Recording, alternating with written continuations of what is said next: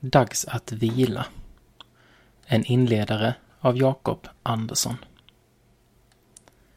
Sommarlov, semester och lugna dagar. Efter ett långt läsår där vi förhoppningsvis har fått en hel del gjort får vi äntligen vila ut. Vi får göra precis som Gud gjorde när han fått en hel del gjort. Efter sex dagar av kreativt skapande. Det kan verka konstigt att Gud vilade på den sjunde dagen. Behövde Gud verkligen vila? Nej, självklart behövde han inte det.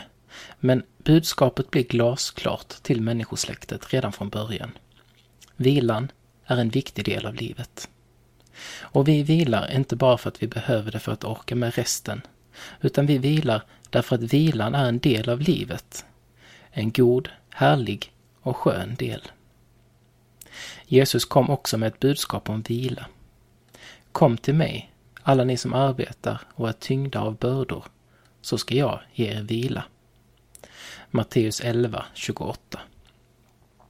I vilan finns något som insidan vill stanna upp inför. I detta extra tjocka sommarnummer får du följa med på retreat. Du får läsa om att vila från de sociala kraven, om att hitta vila i Guds omsorg, om att använda vilodagen på ett bra sätt och framförallt kan du få läsa om att det finns en vila i det som Jesus gjort för dig på korset. Ja, vad är det egentligen att vila? Är det samma sak som att sova bort halva dagen, sen slöa i soffan och fylla huvudet av en massa tv-serier? Nej, vilan finns ytterst sett i gudsgemenskapen. Augustinus fick upptäcka precis detta för exakt 1630 år sedan och skrev så här om den erfarenheten. Du, o Gud, har skapat oss till dig och vårt hjärta är oroligt till dess det finner vila hos dig. Vi i Insidans redaktion hoppas att du kan få hitta den vilan i sommar.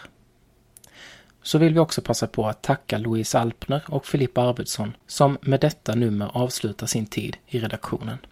Stort tack för allt! Och så har vi glädjen att välkomna Miriam Göransson som ny redaktionsmedlem.